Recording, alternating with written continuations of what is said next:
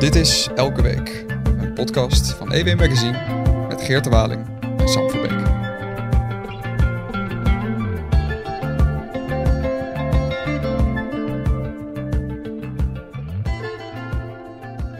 Geert de Waling, de kogel is, uh, is door de kerk. Ja, in Enschede is eindelijk uh, door, de, door die kerk de kogel uh, gevlogen. Uh, um, de Tupantia kopte dat Pieter Omzicht met een, met een eigen partij komt. Ja, zondagavond bekendgemaakt en maandag ook in de krant. Wel mooi dat hij dat in, in Twente heeft gedaan, Tubantia. Maar natuurlijk ook in het AD, waar Tubantia onderdeel van is. Dus de grootste krant van Nederland.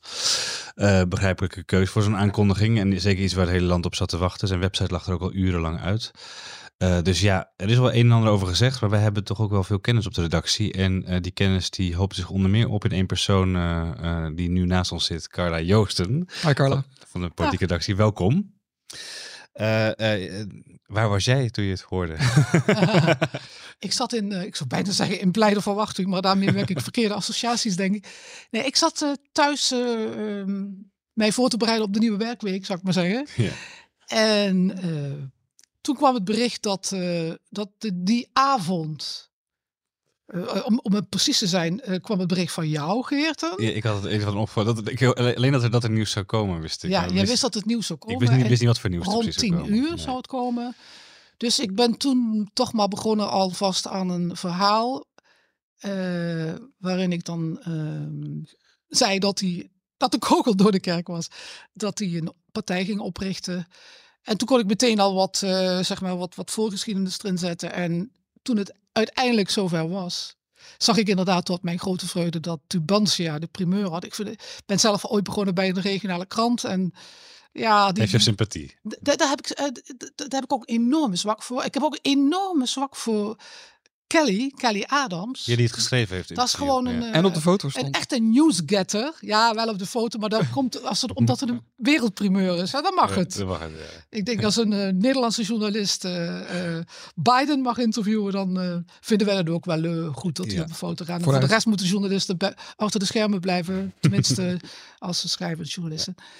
dus nee, dus die Kelly die, die weet heel goed de weg daar in Twente.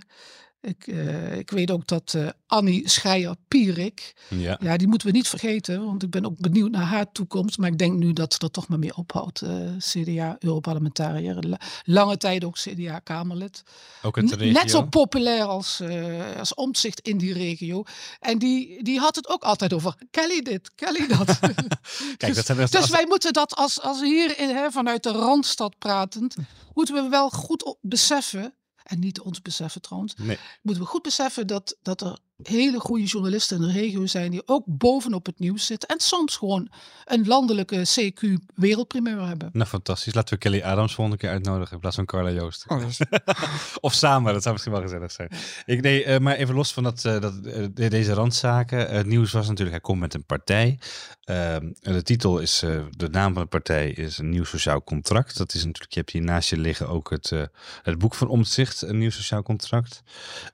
heb je daarmee meteen al het partijprogramma te pakken, denk je? Is dat, is dat er genoeg in om te, een beetje te kunnen voorspellen wat, het, wat er in het verkiezingsprogramma komt te staan? Mm, nou, ik vind dat andere stuk van hem, dat hij dus zondag bekend maakte, de politieke punten. Ruim 40 pagina's geloof ik of ja. zo. Ja, ik heb het ja. zelf niet gelezen. Dat maar... vind ik wel iets, iets meer richting verkiezingsprogramma gaan.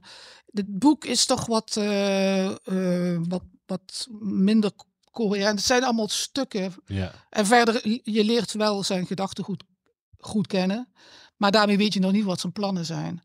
En dat vond ik ook een beetje van de lezingen en zo. Er zit altijd wel ergens iets in waar, waarmee hij naar de toekomst wil. En Want je kunt er eigenlijk heel positief tegenaan kijken en heel negatief. Hè? Dat zie je ook steeds in de media, hoe ja. er gereageerd wordt op hem. Hij maakt wel iets los.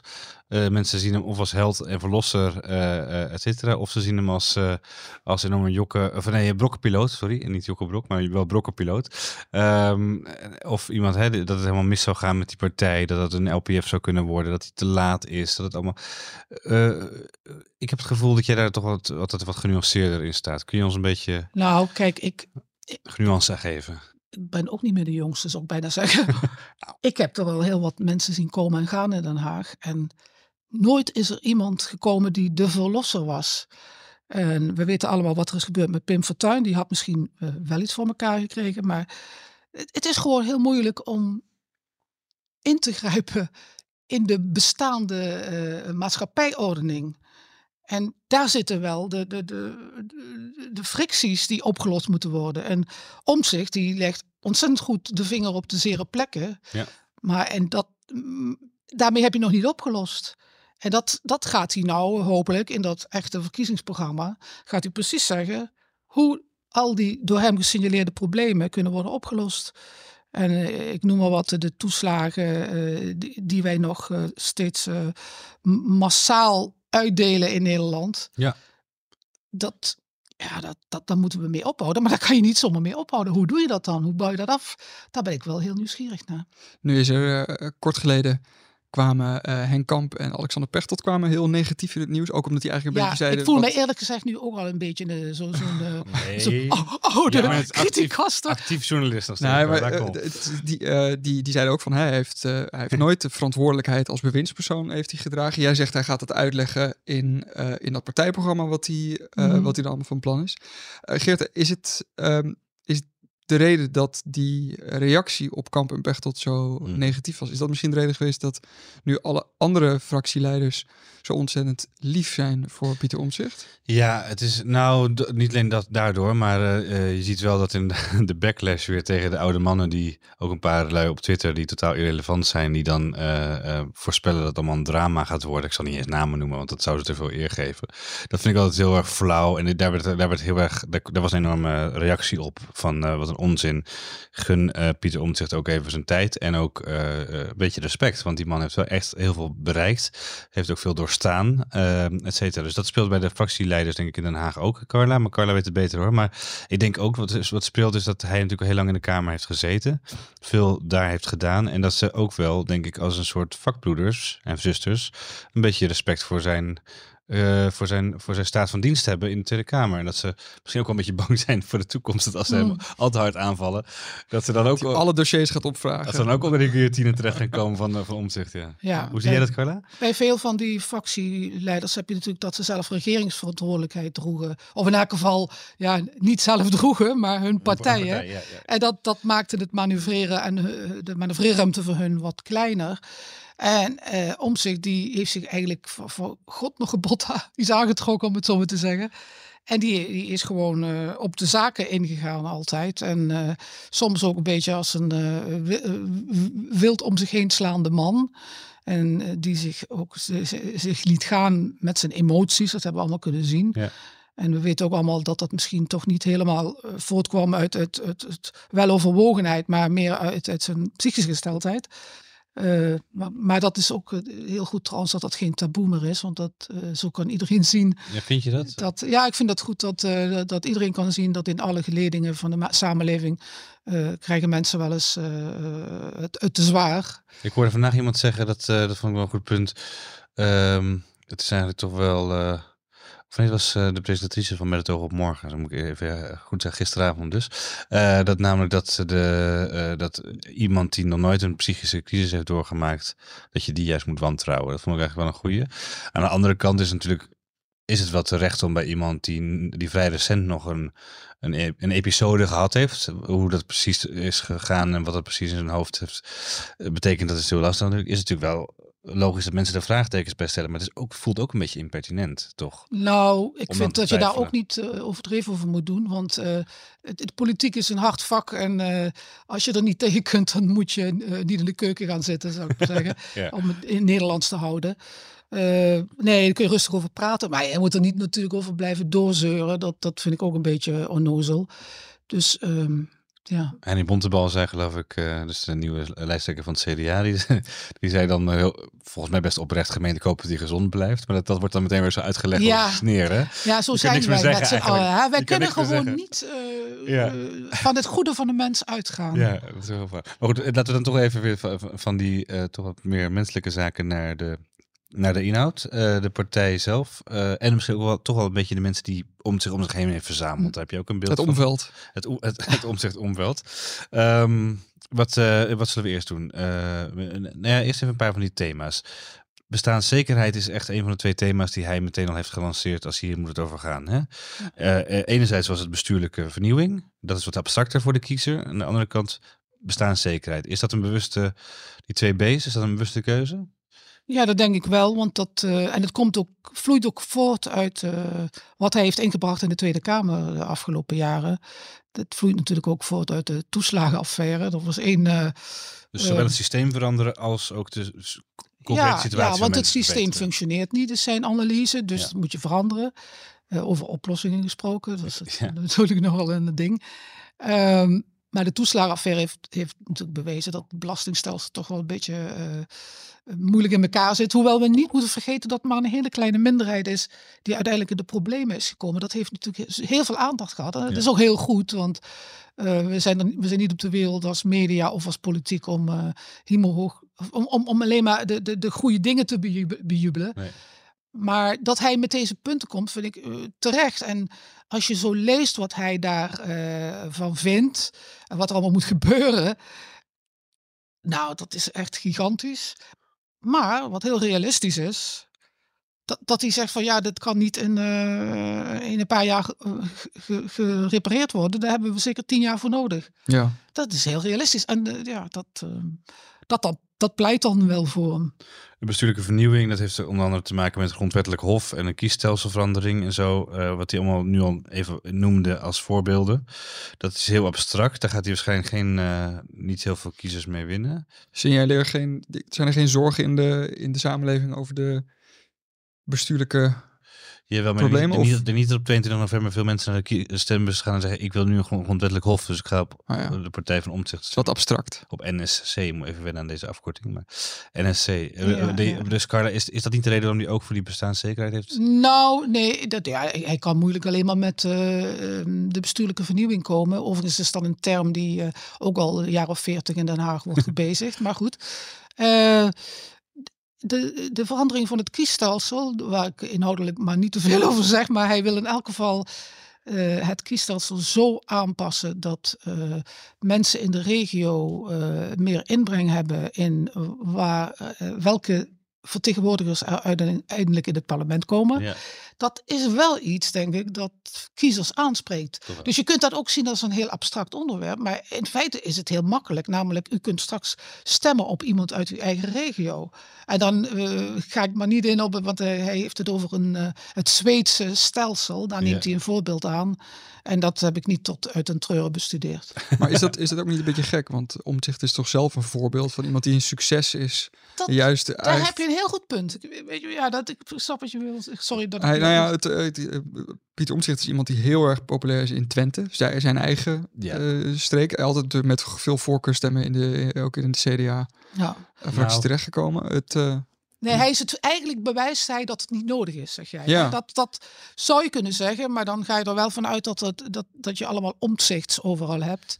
Ja, dat, dat is wat anders inderdaad. En als je kijkt naar de, gewoon secte cijfers van de Tweede Kamer, is wel de Randstad erg oververtegenwoordigd ja, het is, in de... Het is om te huilen, vind ik zelf. Ik kan me goed, nog goed herinneren dat uh, CDA een paar vertegenwoordigers in Limburg had, PvdA. Ja. En die gingen dan samen met, uh, met een paar landelijke kopstukken, gingen die uh, bepleiten dat in Maastricht een academisch ziekenhuis en een universiteit kwam. Ik wil maar zeggen, dat zijn niet uh, de geringste dingen die je kunt regelen. Uh, over, over Limburg is de politiek gesproken. er komt er weer eentje bij. Althans, komt er een eentje terug uit Brussel. Timmermans. Ehm, die hamert denk ik ook in zijn campagne erg op bestaanszekerheid. Namens Verenigd Links. Is, dat een, is, is, dat, is dat een clash of is dat juist een coalitie in, in wording tussen Omtzigt en, en de Verenigd Linkse coalitie? Nou, los van het feit dat je daar natuurlijk nog weinig over kunt zeggen, denk ik wel dat, dat die partijen eigenlijk helemaal niet zo ver uit elkaar liggen. Hoewel ik het met klimaatbeleid weet ik het nog niet. Want nee. daar is om zich volgens mij veel be, be, be, behoudender en Hij vindt het echt te, van de gekke wat er allemaal de afgelopen tijd aan tafels is voorbereid. Ja. En wat vervolgens in het coalitieakkoord tot de miljarden uitgaven leiden. akkoorden, klimaatakkoorden, daar, dat, daar moet hij helemaal niks van nee, hebben. Ja. Dat, dat, dat, dat, Verder weet nog niet precies wat hij vindt, maar dat nee, gaan we nog... Nee, dat moet nog komen. Maar die uh, focus op bestaanszekerheid um, bij de Verenigd Links, zoals uh, Timmermans het zelf noemt, die is natuurlijk heel logisch, want Timmermans beseft ook, ik moet hier niet als klimaatpauze, wat een beetje scheldwoord voor hem is, geloof ik. Ja. Uh, ga vertellen wat wij allemaal op dat gebied willen en zo. Uh, nee, hij benadrukte bij zijn uh, intocht in de Caballero-fabriek in Den Haag dat, dat bestaanszekerheid het belangrijkste is. En daarmee schaart hij zich eigenlijk inderdaad aan de kant van omzicht. Maar dat, dat is op zich geen nieuws in de zin van uh, Lodewijk Asscher heeft het uitgevonden het woord. Uh, en ook geprobeerd. het is interessant, hè? Want ja. het betekent verschillende dingen tegelijk. Want het is niet alleen armoede of uh, inkomen of vermogen. Het gaat eigenlijk over veel meer. De huisvesting, je kunt er van alles bij betrekken. En ja. daarmee dreigt het ook een beetje een containerbegrip te worden waar je niks, waar, nou ja. waar, iedereen mee, mee, mee dweept, maar waarvan. Ja. Je wil sowieso niet bestaansonzeker zijn. Ik, ik, ik zelf hou er van bestaansonzekerheid. ja. ja, maar je wil het dat bestaanszekerheid wordt natuurlijk. Maar goed, het, het, ja, het gaat ook over dat soort dingen wat jij noemde.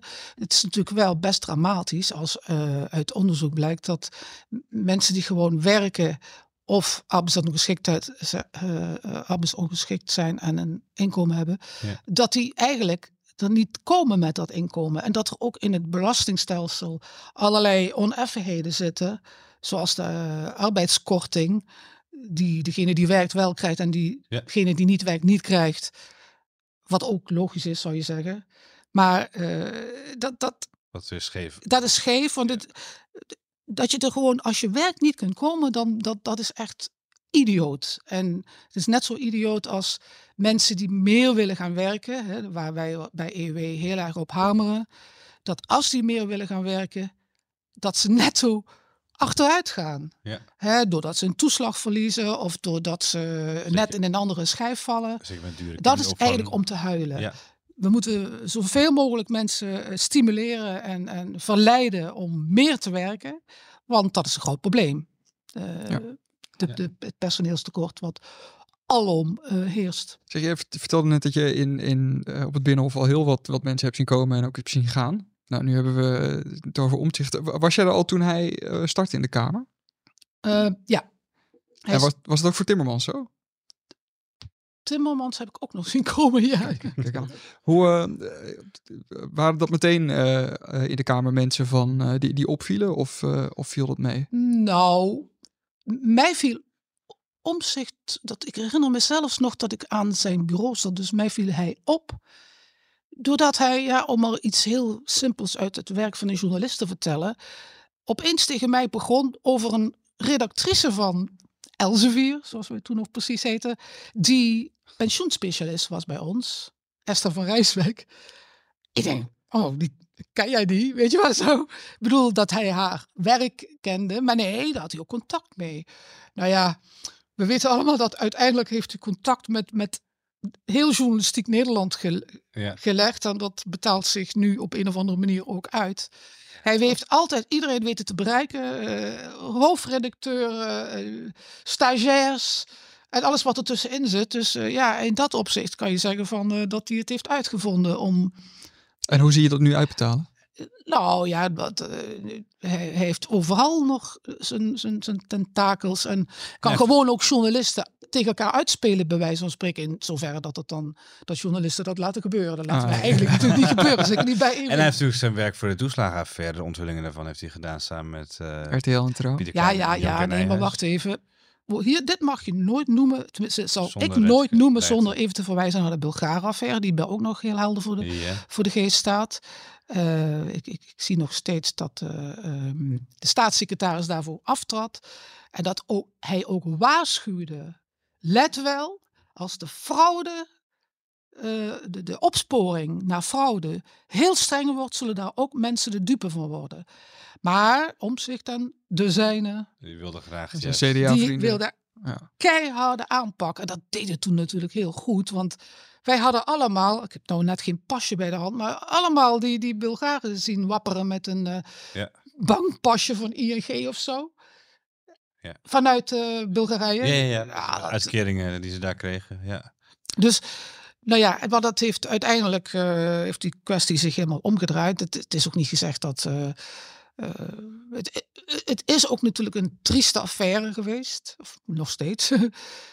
Maar laten we niet vergeten, de Kamer heeft daar zelf een rol in gespeeld. En dat wordt, vind ik, te weinig erkend door ook Pieter Omtzigt. Ja, dat is ook in die parlementaire enquête is dat ook te weinig eigenlijk. Uh, is er te weinig aan reflectie gedaan. Ja, ja. Het is door een paar mensen wel genoemd.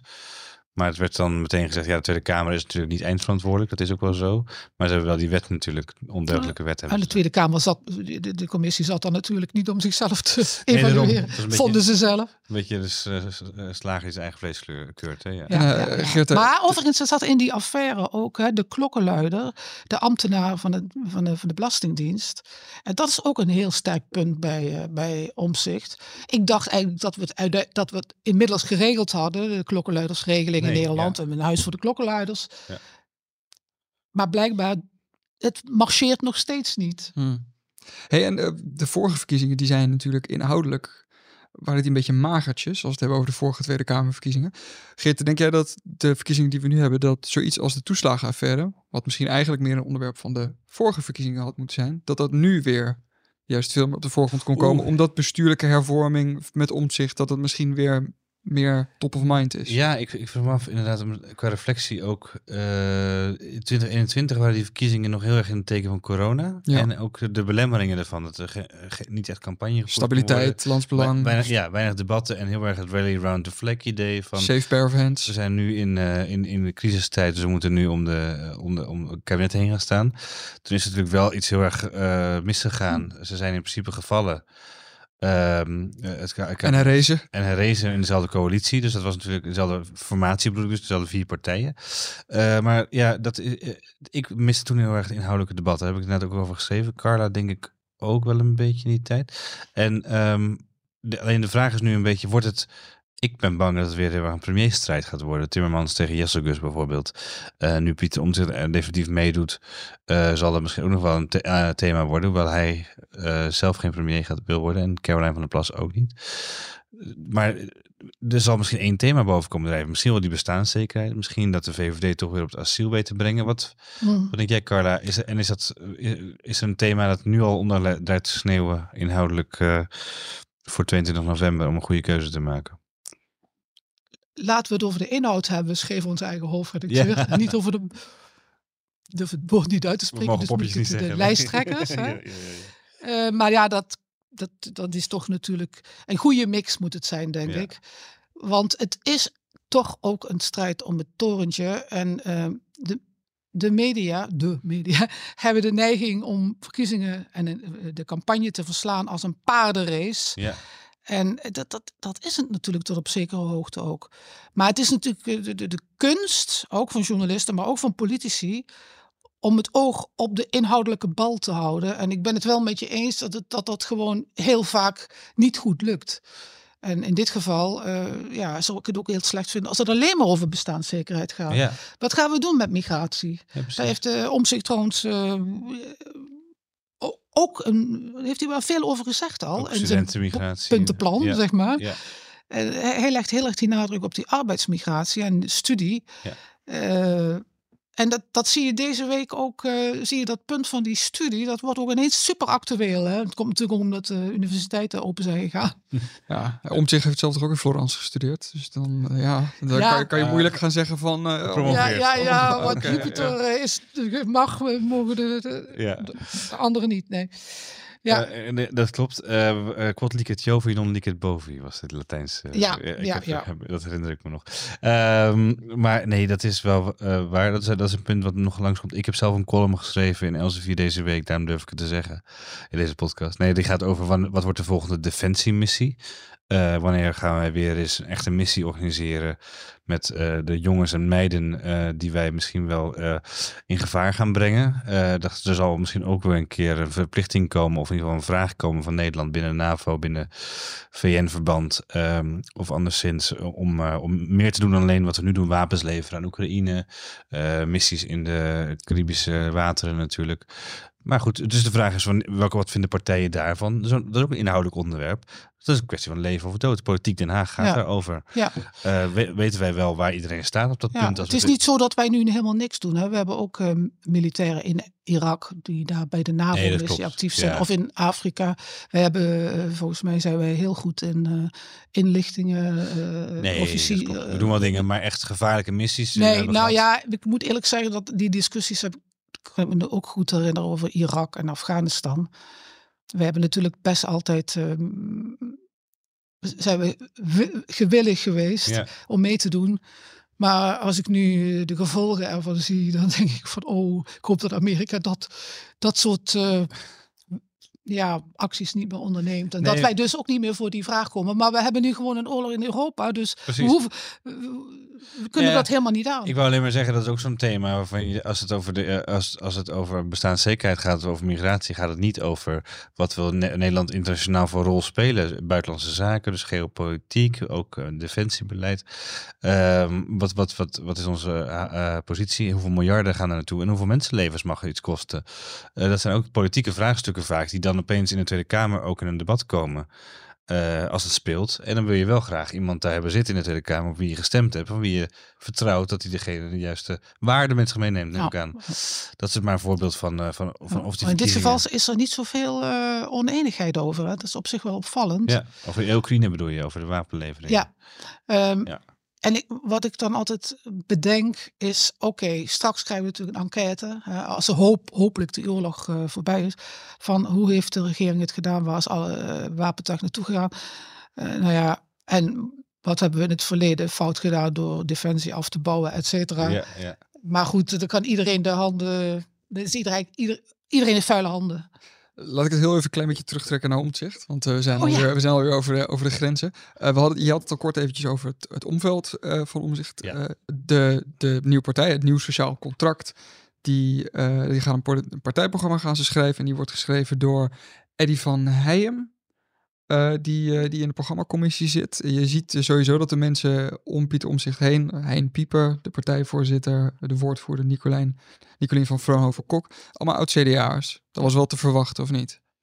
Uh, ja, en toch verwacht ik ook nog wel wat mensen uit andere partijen. Maar inderdaad, um, Nicolien van Vroonhoven, die volgens mij een zus is van Merel van Vroonhoven, maar dat even Ja, het was, haar man is de broer van Merel van Vroonhoven. Oh, goed dat je het is Vroonhoven Kok, zij is ja, eigenlijk nieuw Nicolien ja. Kok. Ja, maar soms hebben vrouwen tegenwoordig, hè, Dylan Jezilgus, Zegerius. Je kan het, je kan het Zegerius is de naam van uh, haar man. Die is ja. ja. Dus, de, de, de, weet je, maar zij is al langer geleden getrouwd, dus het zal Maar zij is voorlichter, maar dat was ze al een paar maanden geloof ik, ja. voorlichter van Omtzigt.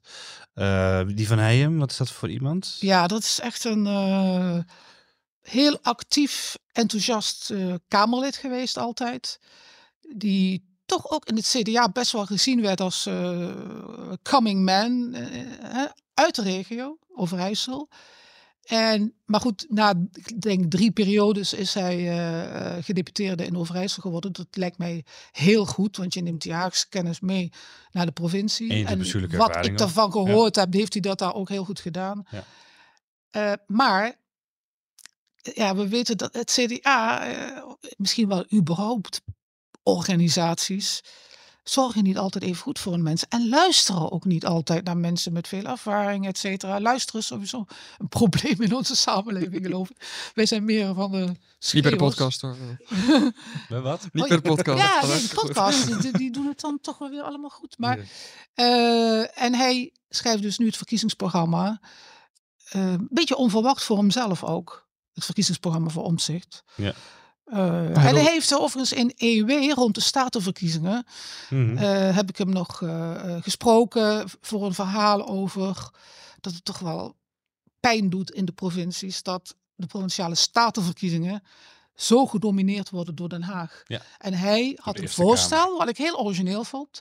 Hou die statenverkiezingen telkens in een andere provincie op een andere dag. Ja. Mm. Dan, ja. dan, oh, dus niet, ook niet, ja, ik bedoel niet 9 maart, 10 maart en 11 maart, maar echt dat er een tijd tussen zit. Dan, dan, hè? Ja. Maar dat, dat heeft, gaat om zich niet overnemen. Dat heeft Van Heijen mee al verteld. Geen bestuurlijke vernieuwing. Dat is jammer, ja. Want er wordt bij de gemeenteraadsverkiezingen ook, ook altijd gezegd... Hè, dat daar ook het wordt, die worden dan gebruikt als een soort peiling voor de landelijke politiek. Terwijl een derde van de raadzetels in handen is van lokale partijen. Dus zegt helemaal niks. Mm. Uh, dus er wordt wel gezegd van laat die, laat die vaste dag los voor die gemeenteraadsverkiezingen. En laat elke gemeente... Maar Geert, en dit soort nuances komen ook heel, helaas ja. in het publieke debat allemaal niet. En er wordt het vaak ook gezegd van als we dat gaan doen, dan komen er weinig mensen aan de stembus, want dan is het niet genoeg bekend dat er verkiezingen zijn. Nee, dat soort argumenten.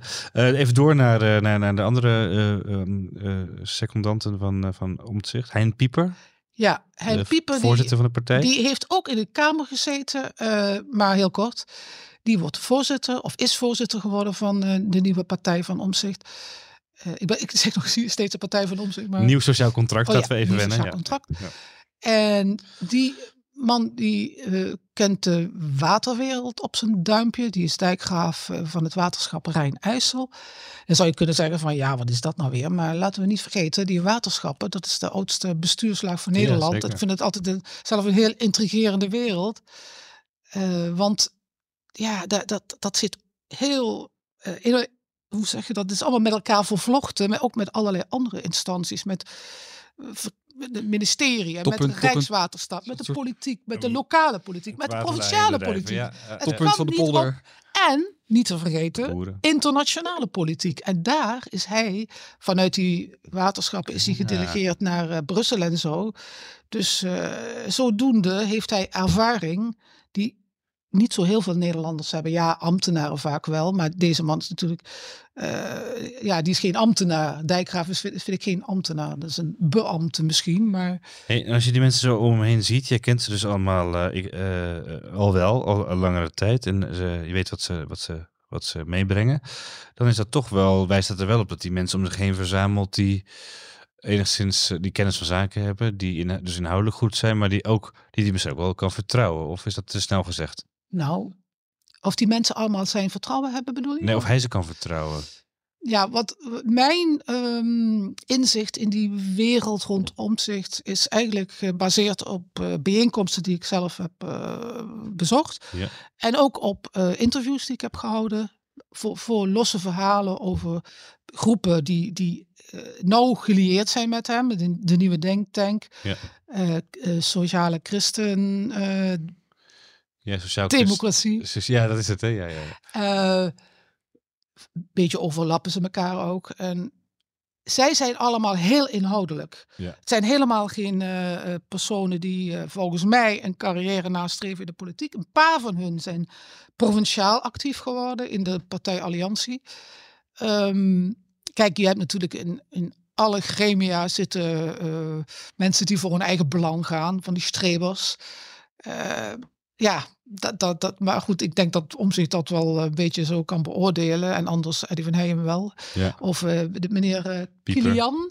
Oh ja, Kilian Wahoo. Ja. Dat is uh, wie dat, dat is ook nog dat, die, die gaat het uh, die gaat de lijst Die gaat het personeelsbeleid doen. Personeelsbeleid, wat, wat ja. zijn oud ABN is. Ja, hij heeft dat altijd gedaan, ook in zijn leven. Dus ja. hij heeft ook wel een kort verleden in, in het CDA, maar dat is mij dat staat mij niet bij precies, maar Um, ook interessante figuur dus eigenlijk. Ja, ja, ja, ja. Dus ja, goed. Het is dus een, uh, een partij in wording. We gaan komende tijd zien. Uh... Het is dus gewoon hele goede mensen die integer zijn en die gewoon geloof hebben in dat verhaal van, van omzicht. En ook omdat hij dat natuurlijk ook heeft laten zien dat hij ergens verstaat. Um, misschien moet ik even de, de, laatste vraag stellen die misschien nog wel, wel relevant is.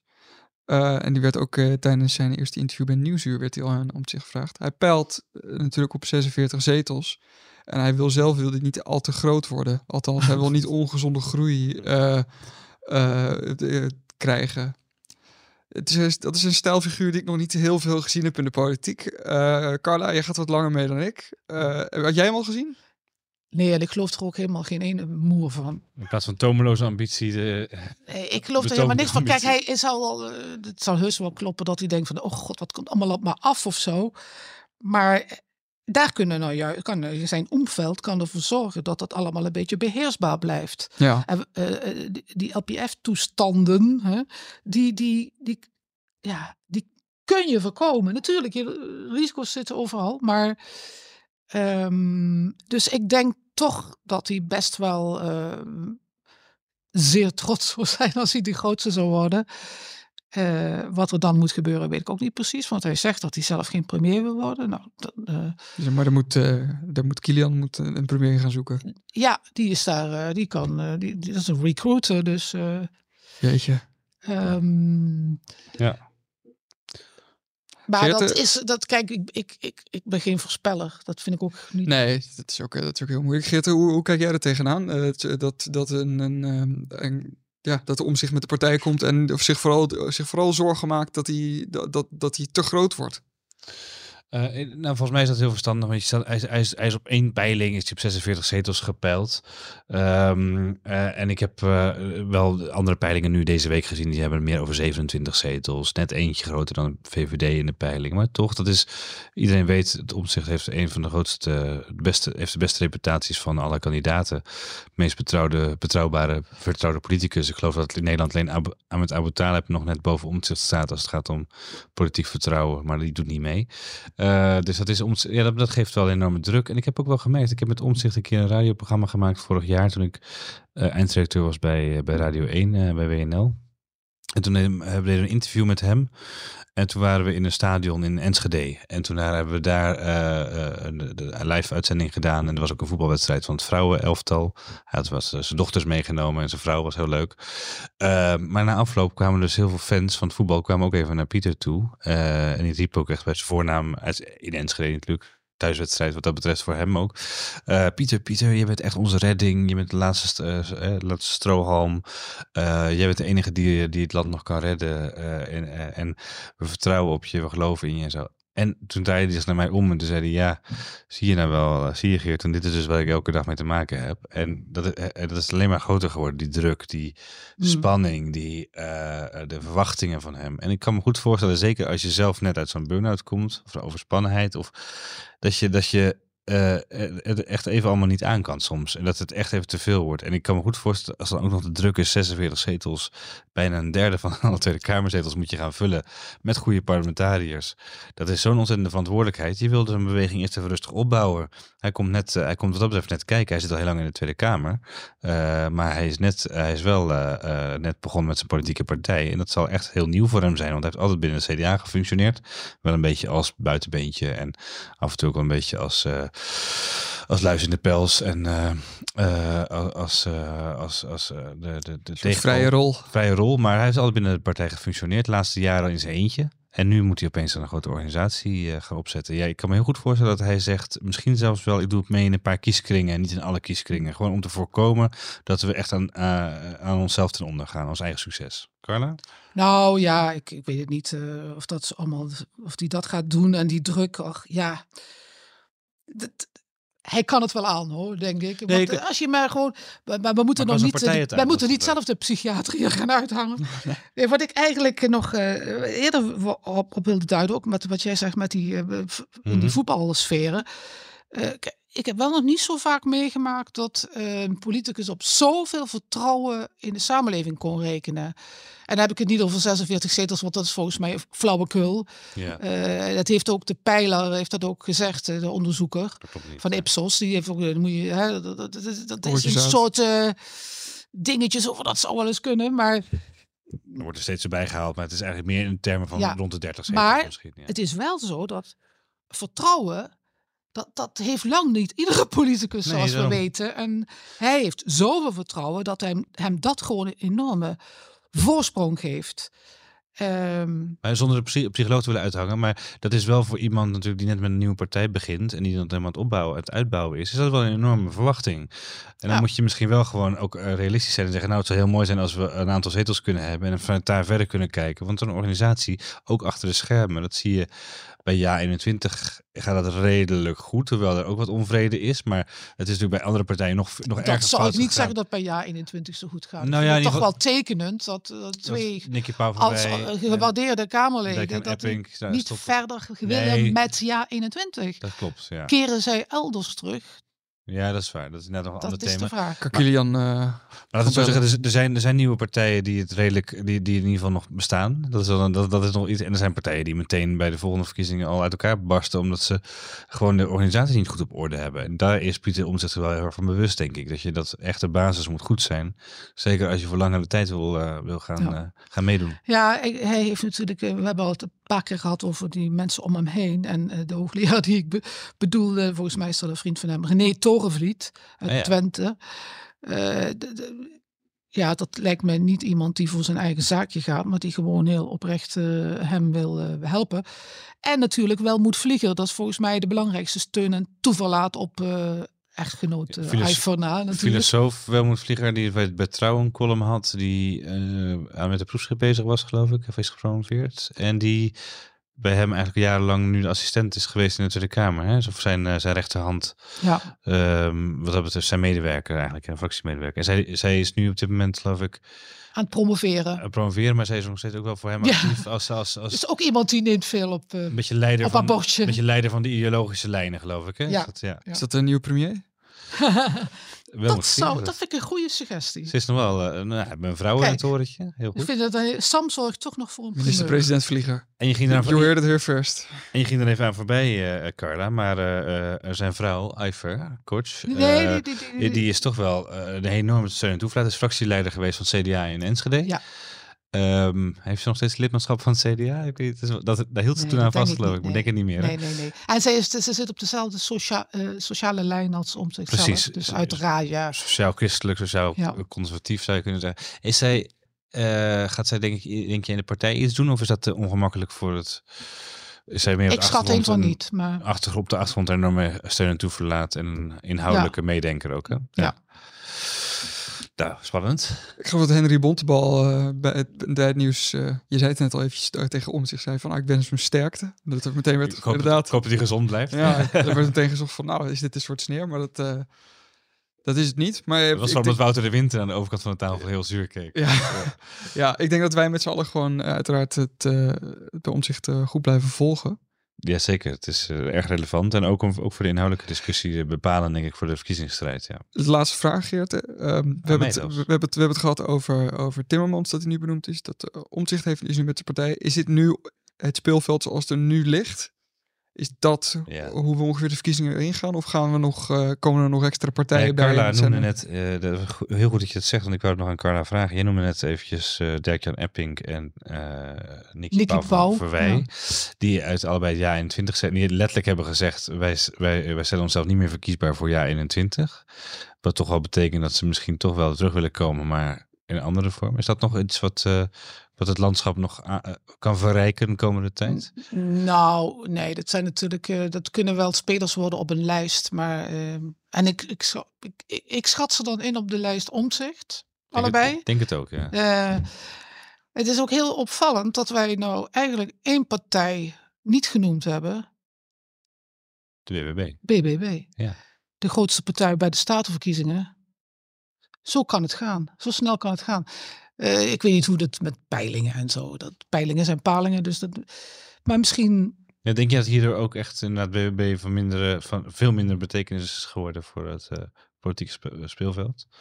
Mijn gevoel zegt van wel, maar dat kan ik verder niet uh, door studie staven. Caroline van der Plas zei dat ze blij was en dat ze om zich veel stemmen gunde. Ja, zij weet dat je, dat je positief moet blijven in het leven. En ze meent het denk ik ook ergens. Jawel, kijk, zij zit natuurlijk best wel op een redelijke lijn, hoewel hè, niet op het gebied van uh, de bio-industrie. Nee, daarom. Dat is wel een opmerkelijk iets. En, verschillen uh, Ik vind het ook heel opvallend stikstof. dat uh, stikstof, dat we daar eigenlijk helemaal niks meer over horen. Ik hoorde zelfs iemand de deze week zeggen van uh, stikstof is helemaal geen probleem voor de woningbouw. Toen dacht ik van ja, maar halve land ligt plat en ja. Uh, maar goed, dat is een andere podcast. En, en, die, buren, en die boeren die worden nu alsnog uh, komen in problemen, hoor je van? Ja. Dus, uh, nee, dat is, dat, dat is voor een volgende keer. maar dat is wel dus heel boeiend. Ja. Dus die, even die constatering nog aan het eind dat de BBB eigenlijk in de provinciale statenverkiezingen alomtegenwoordig was en ook een, monster, een historische monsterzege haalde in, in alle provincies, de grootste werd. En nu opeens waarschijnlijk toch naar de achtergrond gedreven gaat worden. Omdat er ook andere thema's meespelen waar BBB gewoon niet zo op geprofileerd is. En dat, uh, Nou ja, dat gaan we zien. Dat is in ieder geval een opdracht voor, uh, voor Caroline als ze dit uh, hoort. Om daar eens nog eens... Beide partijen moeten nog een premier zoeken. Dus uh, dat, dat kunnen we gewoon nog zien blijven Ja, maar beide kunnen nog één en dezelfde premier. Ik wou zeggen, maar jij hebt niet zouden ze dezelfde kandidaat ervoor schuiven? Dat zou grappig zijn. Dat, nee, we hebben natuurlijk ook nog wat doet Mona? Nou oh, goed, ja. Ja, Monarchie. Ze geeft de welmoedfactor en het BBB wellicht Mona. We, we, wachten het ik af. Ik vind de welmoedfactor vind ik eigenlijk wel goed. Wij van Elsevier nomineren, wij van Elsevier nomineren Reno Joustra. Die uh, heeft ook iets te doen als pensioen. Uh, hartstikke bedankt Carla dat je er was. Houd voor ons in de gaten. We blijven je graag volgen en uh, je artikelen lezen die Sam ook in de show notes zal zetten. Uiteraard. En uh, we horen je graag snel terug. Dankjewel. Graag gedaan.